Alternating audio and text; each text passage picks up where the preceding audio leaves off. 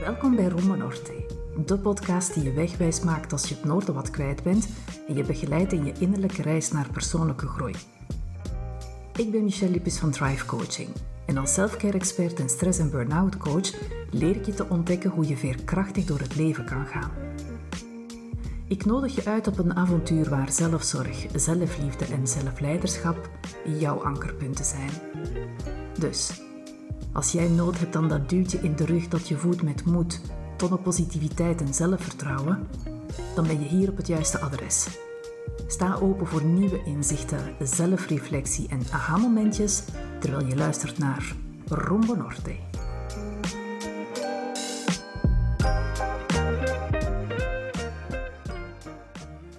Hallo lieve luisteraar, blij dat je afstemt op deze podcast. Dat een songfestival je leven veranderen kan, daar weet Jessica, mijn gast van deze aflevering, alles van. Niet zozeer dat ze een carrière in de muziekbusiness ambieerde, maar wel hoe dit voor haar nieuwe deuren opende. Van harte welkom.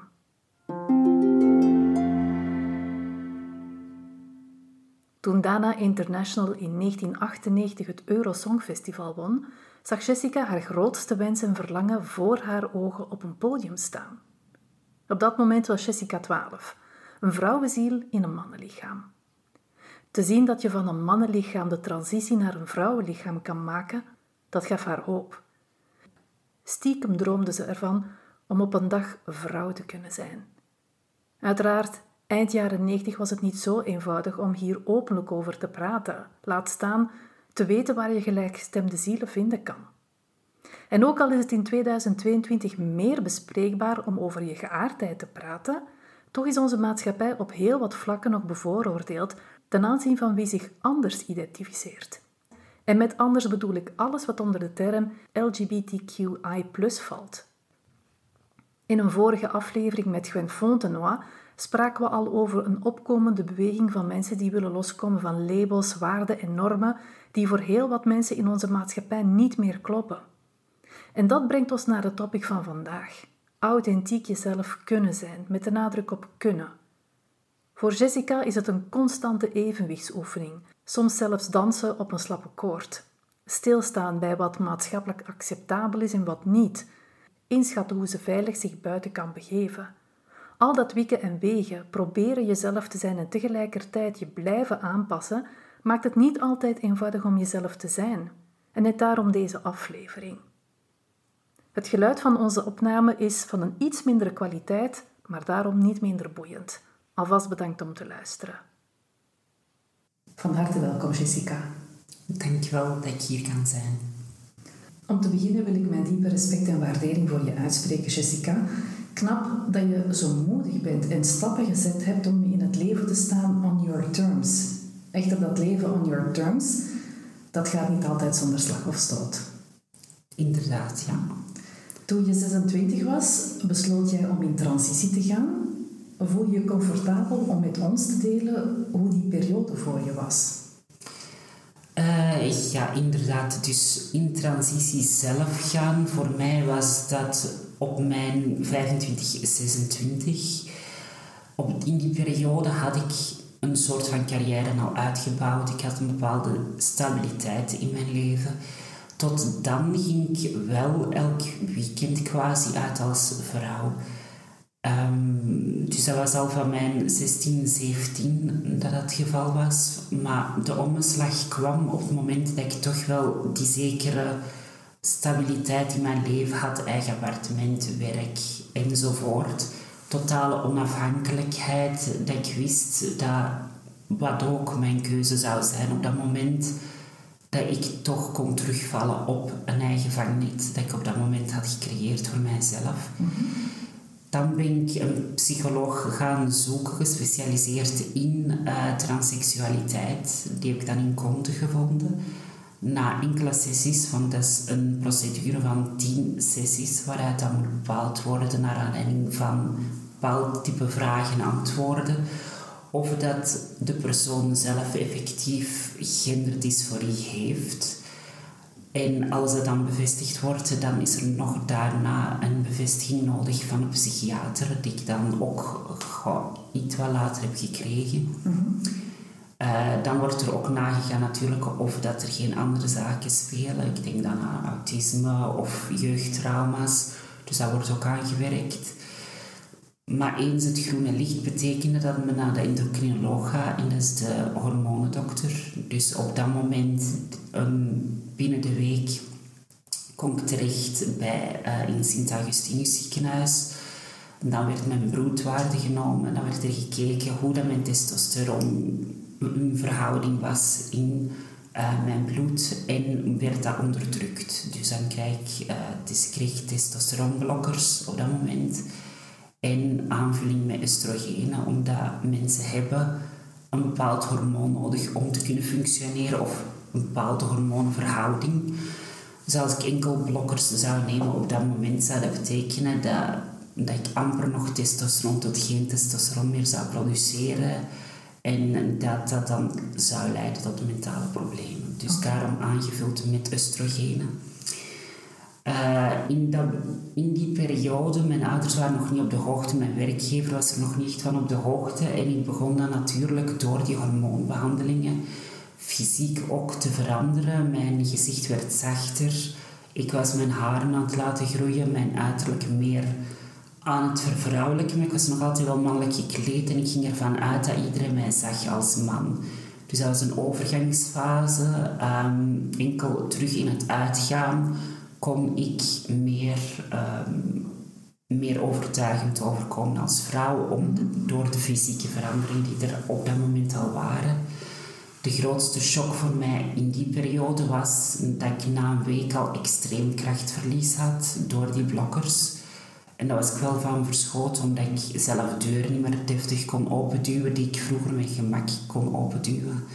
Uh, dus dat was even confronterend, maar ik had dan wel een soort van euforie, omdat ik merkte dat er veranderingen waren. Dus dat ik op de goede weg zat om mijn authentieke vorm te kunnen bereiken. Terwijl ik nog wel niet fysiek in die authentieke vorm leefde.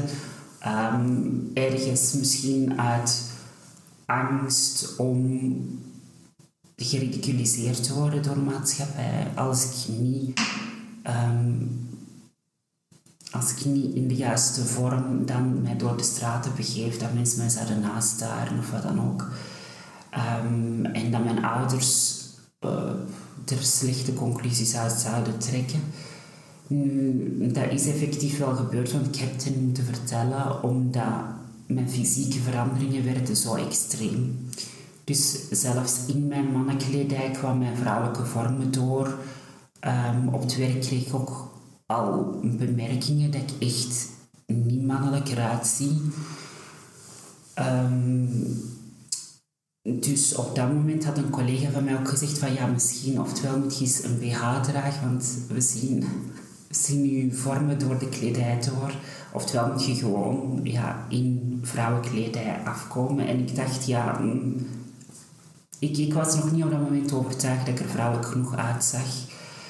Totdat ik dan naar de mediamarkt ging en aan de kassa was die vrouw zo hard in de war dat die eerst zei, alsjeblieft mevrouw, oei sorry meneer, mevrouw, meneer. En dat ik zei van ja, geef mijn spullen maar.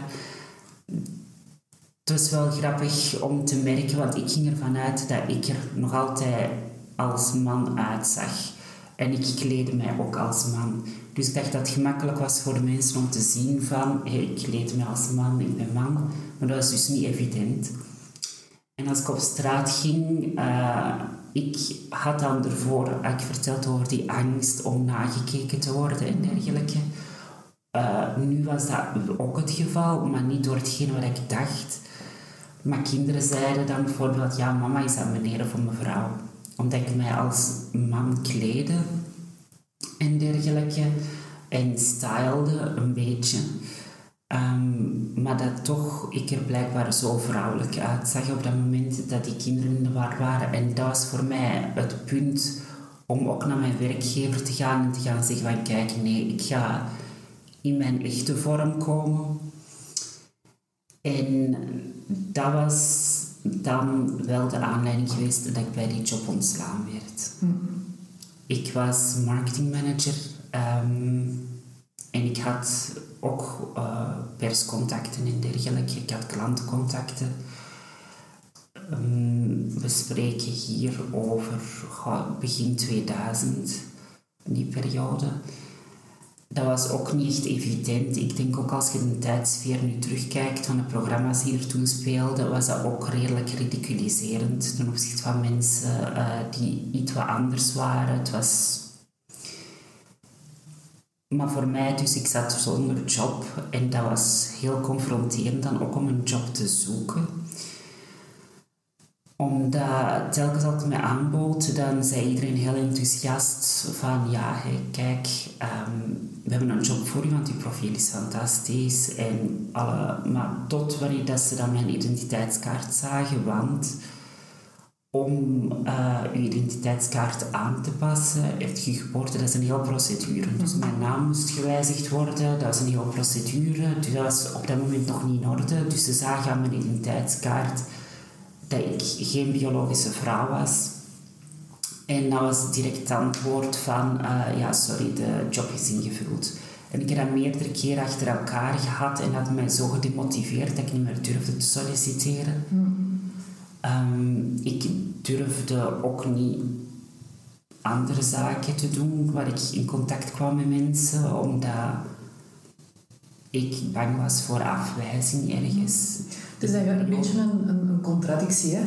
Langs de ene kant, hè, je bent dan eigenlijk stappen aan het zetten naar watgene dat je zo graag wil in het leven. En dan kom je dat tegen. Hè? Dat is, ja, je hebt de externe, de zichtbare veranderingen. Maar binnenin kan ik mij inbeelden dat dat gewoon een rollercoaster is van emoties en mindfucks die, die dan door jouw hoofd gaan.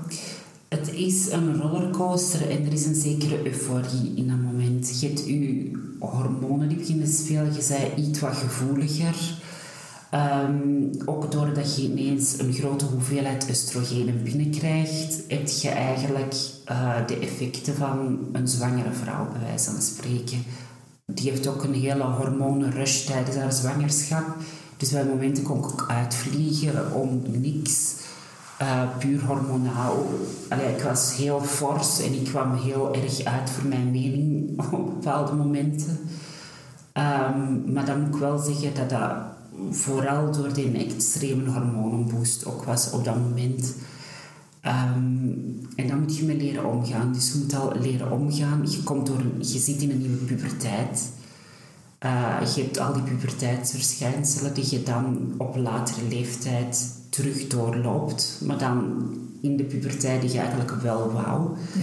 Dus je hebt één, het, het allemaal positieve, euforische waar je in terecht komt, en dan twee, ineens de sociale uh, problematiek en conflict. Dus het is wel een soort van constante strijd waar je in terecht komt en een constant conflict tussen die euforische gevoelens en dan een zekere maatschappelijke afwijzing die je nooit daarvoor in die extreme mate hebt ervaren. Dus dat is ook iets volledig nieuws waar je moet mee leren omgaan ehm, of ja, een plaats moet geven.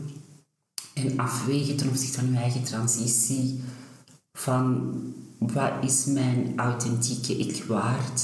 Hoe ver ga ik? Wat accepteer ik? Dus dat is een heel leerproces. Uh, dat is enorm zwaar dat consumeert enorm veel energie. Ehm, maar terug voor mij was het geen andere optie. Ja. En net daarmee vind ik het ook zo, zo krachtig om, om jou nu de kans te geven om, om hier in deze aflevering van Rombo Norte daarover te praten. Omdat het is iets, het, je, leest het in, in elke magazine of, website die zich bezighoudt met ehm, persoonlijke ontwikkeling uh, op social media, de post, hè, je authentieke zelf.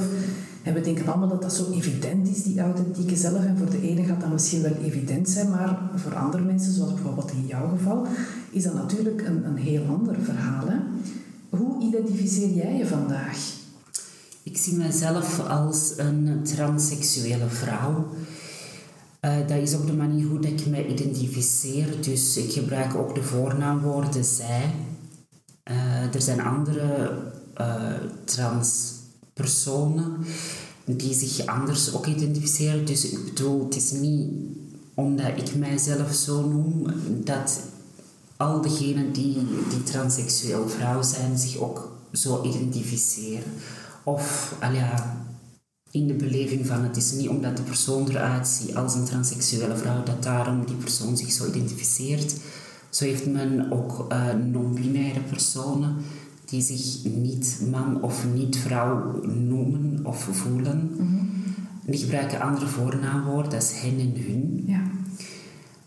Uh, dat kunnen effectief wel voor technisch gezien transseksuele vrouwen of transseksuele mannen zijn, maar die zien zich als non-binair. Dus die willen zich niet uh, op het spectrum begeven om te zeggen van ik ben man of ik ben vrouw. Mm. Men heeft dan ook, ik heb andere vriendinnen van mij die zeggen van ja nee, ik wil liever niet transseksueel genoemd worden, want daar is een, een vaag, vage verwijzing naar seksualiteit in en dit gaat over genderidentiteit, dus ik noem mijzelf een transgender vrouw of een transgender persoon.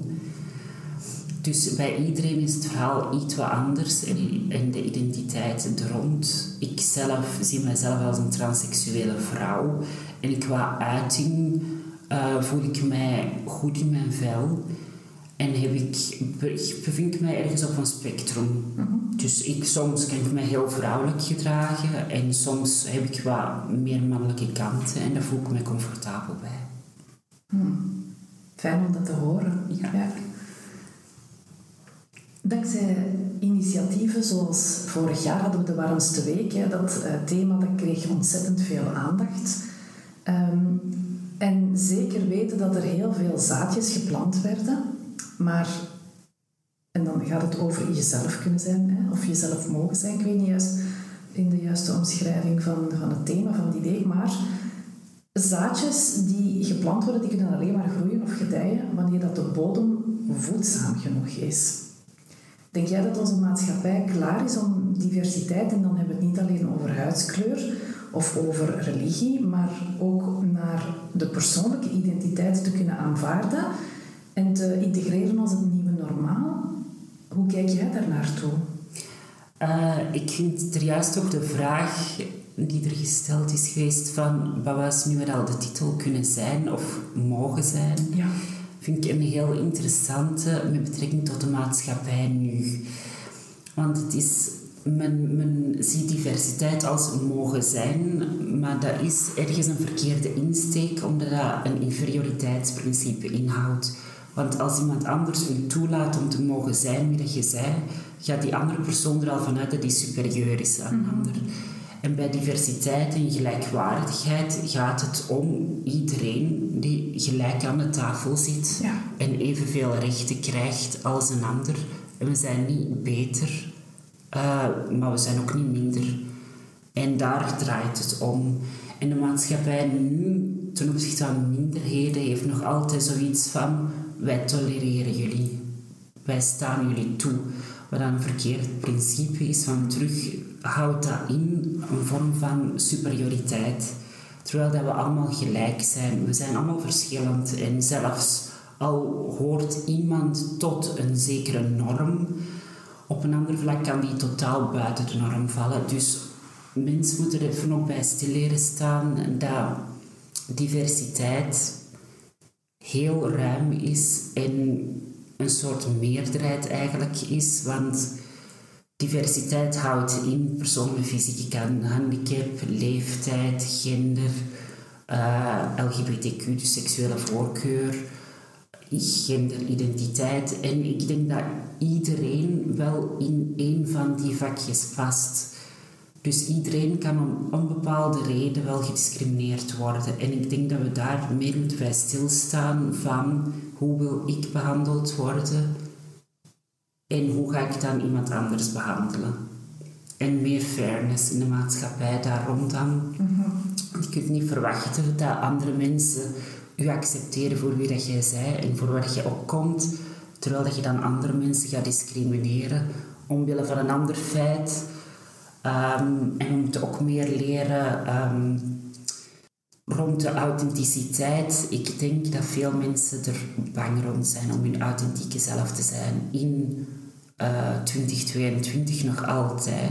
Dat merk ik ook met uh, mannen die tot mij aangetrokken zijn, um, dat die moeite hebben met van ja, maar hoe moet uitleggen aan mijn familie? Hoe moet ik dat uitleggen aan mijn vrienden? Hoe gaat de maatschappij denken? Ja. Maar dan eigenlijk in heel trieste relaties terechtkomen of zeggen van ja, mijn relatie dat functioneert niet omdat ze niet willen toegeven aan hun eigen authenticiteit. En dat vind ik erg. En ik mag heel veel verloren hebben door authentiek te zijn en mijzelf te kunnen zijn. Maar eigenlijk is dat niet een verlies. Want ik heb wel... Ik kan tenminste zijn wie dat ik ben. Ja. Wat dat er... Ja.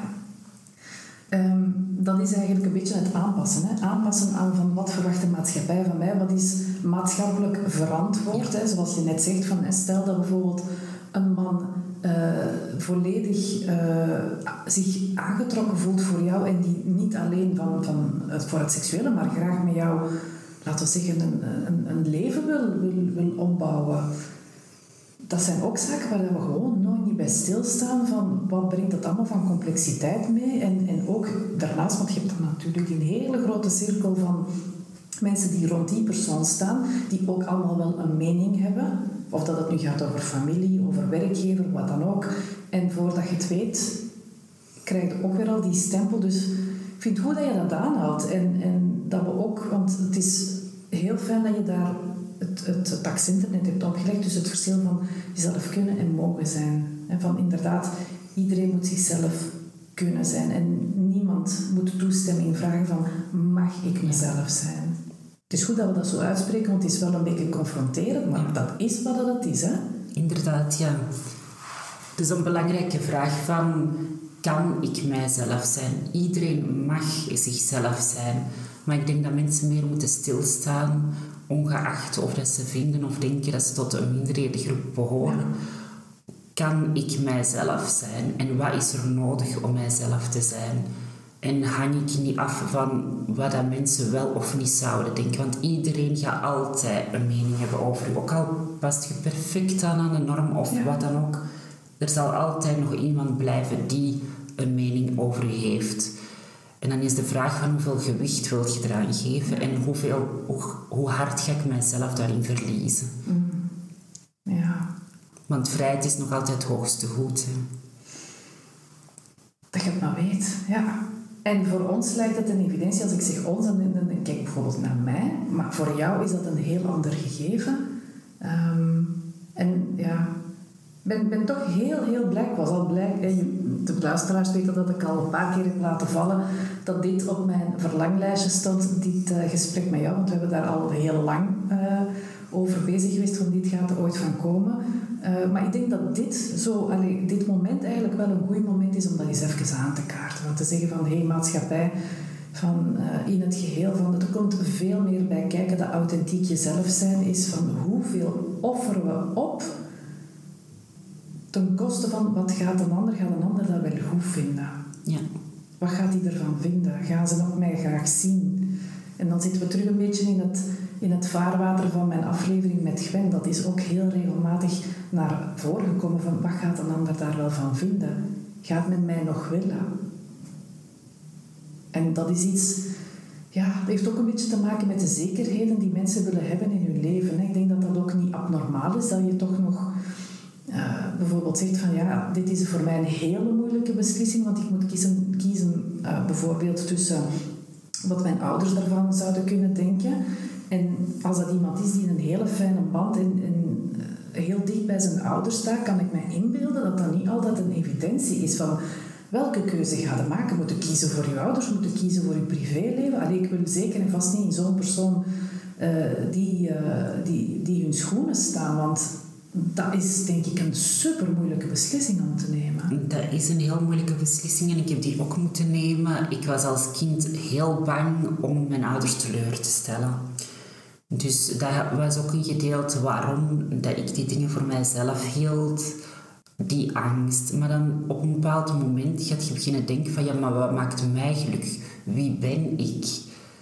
Ehm, en ook het besef van als uw ouders echt van u houden, of uw vrienden, of als die er echt voor u zijn, onvoorwaardelijk zoals dat eigenlijk hoort, ehm, dan gaan u er nooit om laten vallen en zou die niet willen dat je ongelukkig bent in je leven. Ja.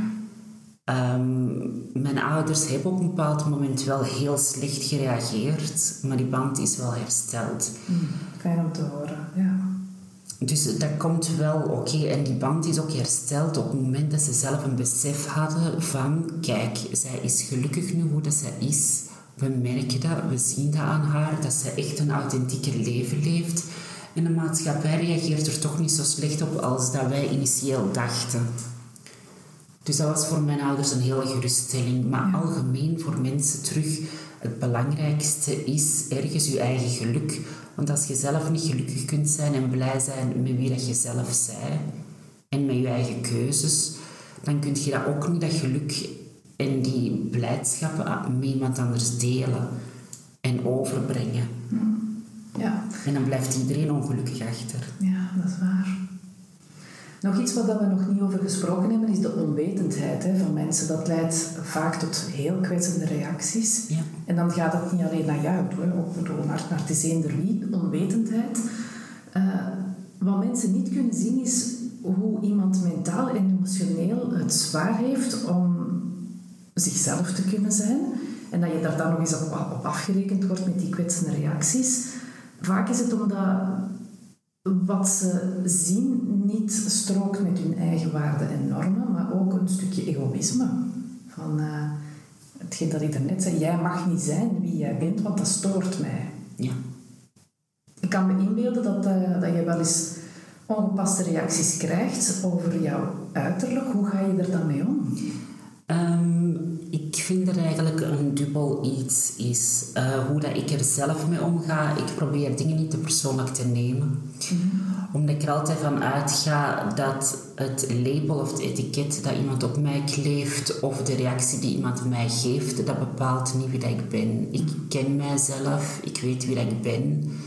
Um, dus ik laat mij daardoor niet naar beneden trekken door reacties van mensen, want die hebben hun ervaring, hun leven. Uh, spijtig genoeg vinden die het nodig om projecties te doen naar mijn leven, omdat ze zichzelf niet comfortabel voelen. Maar dat is hun emotie, dat is mijn emotie niet. Um, hetgene wat dat dan die reacties geeft in de maatschappij is terug. Vroeger werd er veel verzwogen. um, alles was er ook vroeger. Al die vormen van, van verscheidenheid mm -hmm. en dergelijke, die bestonden toen ook, maar men sprak er niet over. Dus dan was het er zo gezegd niet. Onder de mat. Alles onder de mat, inderdaad, ja. En um, nu merken we effectief met dan internet en dat we meer communicatief bezig zijn en meer dingen kunnen besproken worden, dat die dingen naar boven komen, maar terug we worden meer geconfronteerd dan en we weten niet goed hoe erop te reageren omdat we altijd een bepaald discours hebben gehad, oftewel werd er niks over gezegd. Dus dat kon ik toch niet bespreken. En nu is het een tijd om een soort van vocabularium te ontwikkelen, dat we respect hebben naar elkaar toe, dat we ook elkaar leren begrijpen in elkaars verschillen. En dat geldt zowel voor de LGBTQ-community als voor mensen met cultural background, een andere afkomst. Of we moeten meer elkaar leren begrijpen en zeggen van oké, wanneer het er op deze manier wordt gesproken, dan is dat niet positief. Ik zelf ga een voorbeeld geven voor mijzelf dan. Um, ik vond mulat vroeger een mooi woord. Uh, totdat iemand, uh, een vriend van mij, die een gemengde afkomst heeft, dat die mij meldde dat mulat van mulatre kwam en dat dat muilezel betekent. Mm. Um, dus toen dat ik dat hoorde, ja, dan ging ik natuurlijk mijn woordenschat bijsturen. En dan spreek ik niet meer van mulat, maar iemand met gemengde afkomst of zo. Om niemand te beledigen, maar ik vond het zelf ook een beledigend woord. Er speelt dus altijd wel twee factoren. Je moet een besef hebben van, ik beledig hier iemand mee. Want ik zou zelf ook niet een muilezel willen genoemd worden. Of ja, ik begrijp wat erachter zit. En langs de andere kant dat ook effectief toepassen en andere mensen dat respect geven. Want het gaat om respect. Ja. Ten opzichte van iedereen. En iedereen verdient respect en iedereen mag zijn wie dat hij is, ongeacht. Ja, absoluut. Ja, ja. Ik was uh, net toen als je dat aan het vertellen uh, was, even aan het terugdenken van uh, hoe het in mijn jeugdjaar eraan toe ging. Ik ben van Joodse afkomst. En als ik, ik geloof dat ik een jaar of acht was, mijn vader, die helemaal niet Joods is, die werkte wel bij een Joodse bakker. En dat was kinderen die bij mij met de schoolbus vertrokken vanuit het centrum van Antwerpen. Die wisten dat mijn vader bij een bakker werkte. En ze maakte mij uit voor een vuile jood. En toen had ik zoiets van, ik begrijp niet gewoon voor mij. Hè. Iemand die in Antwerpen woonde destijds, die bij de provinciestraat, waar dat je uiteraard destijds een heel grote uh, Joodse gemeenschap had, hè, heel die omgeving. Um, weliswaar, er zat wel een stukje uh, waarheid in, maar dat was niks met mijn vader te maken. En het feit dat ze gewoon zeiden, vuile jood, voor mij was dat als kind, en dat is zoiets dat mij zo bijgebleven is, maar ik was mij elke dag en wij gaan elke week minstens twee keer in bad. Ik ben toch niet vuil? Ja.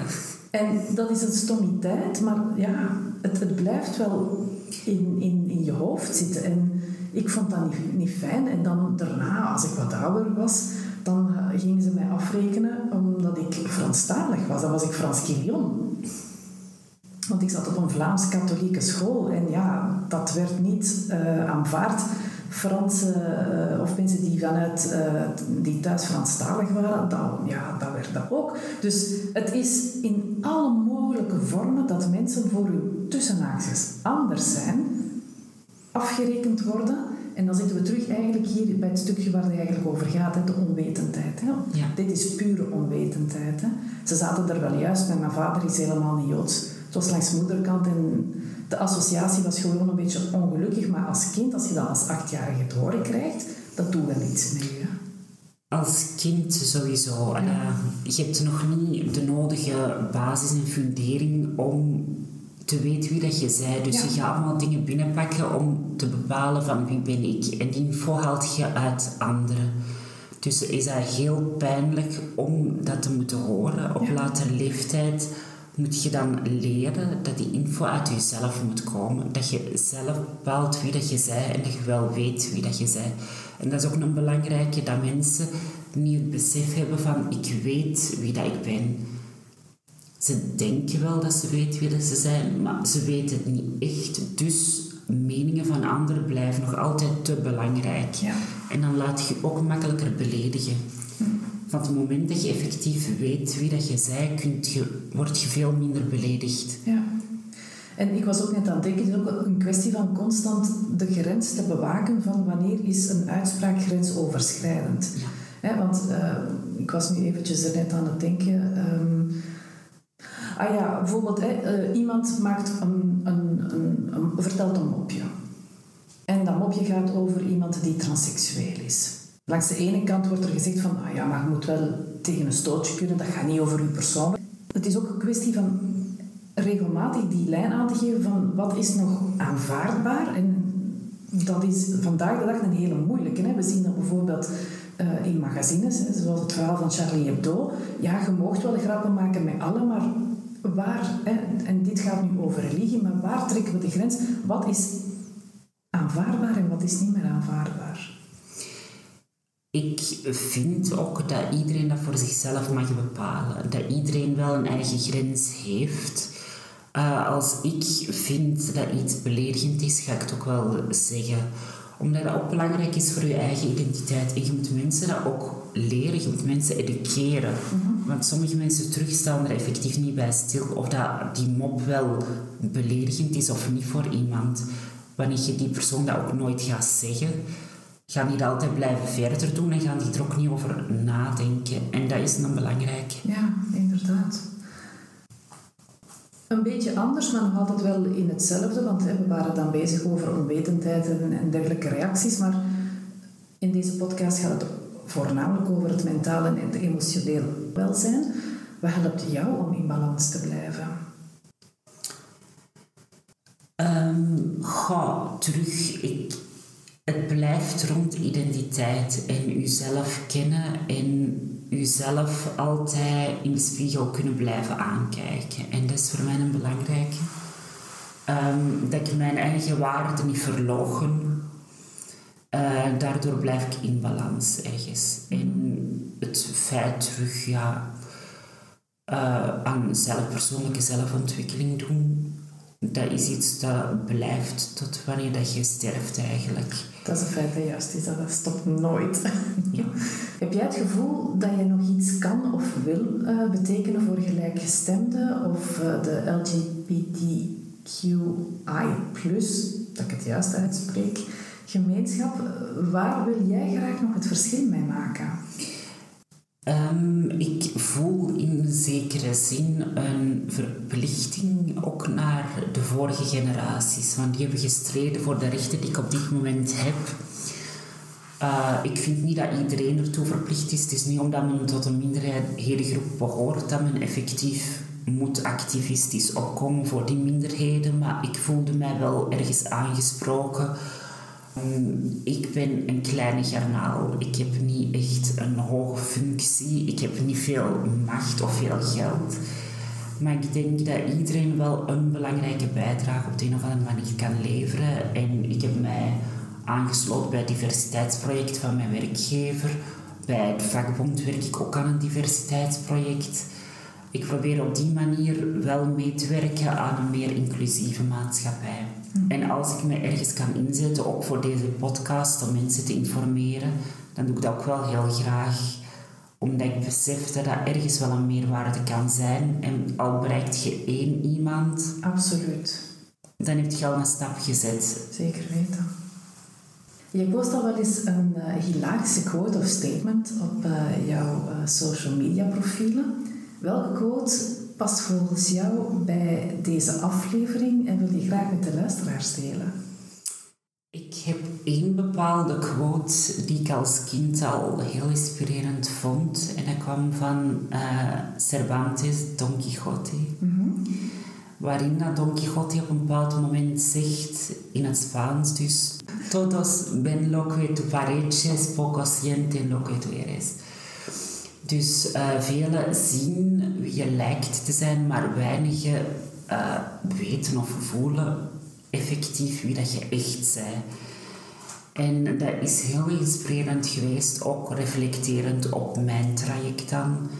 Veel mensen staan ook vaak niet stil bij wie ze tegenover.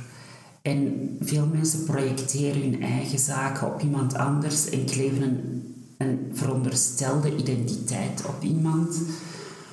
Dus het is belangrijk dat mensen gewoon met een open geest naar elkaar leren kijken. Hm. En dat is ook een belangrijk verhaal, denk ik, uit Don Quixote. Van, je moet leren met een open geest naar elkaar te kijken en niet direct beginnen labels te kleven op iemand of je eigen onzekerheden of je eigen idee van hoe dat iemand hoort te zijn te kleven op een ander. Mhm. Want als je dan echt rekening houdt met die authentieke tegenpersoon en je authentieke ik, dan gaat je nog zoveel meer mooie dingen leren kennen over die andere persoon die je anders niet zou zien. Nee, inderdaad. Is er nog iets dat we niet aangekaart hebben en dat jij voelt dat nog aanwezig mag zijn in deze aflevering?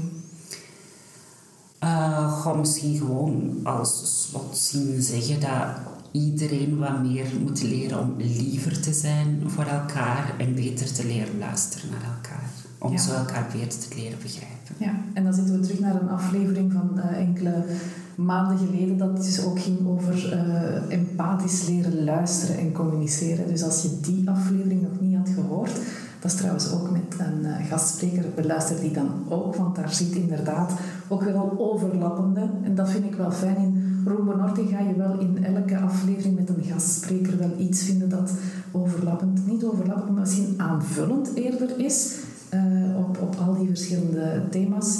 Dit gezegd zijnde, als jij zelf ook denkt van ik heb ook een bijzonder verhaal. Ik wil ook graag eens uh, met uh, Michel aan een tafel zitten met een microfoon erbij en het podium opnemen om wat dan ook dat je denkt dat relevant kan zijn, laat het dan zeker weten. Jessica, ehm, ik vond het echt heel tof dat de aflevering er eindelijk van gekomen is. Ehm, dat jij ook tijd gemaakt hebt om eh, eh, hier te kunnen zijn. Dikke merci om jouw authentieke zelf te zijn en te blijven. Deze aflevering zit erop. Bedankt om te luisteren naar Rumbo en heel graag tot een volgende aflevering. Tot dan.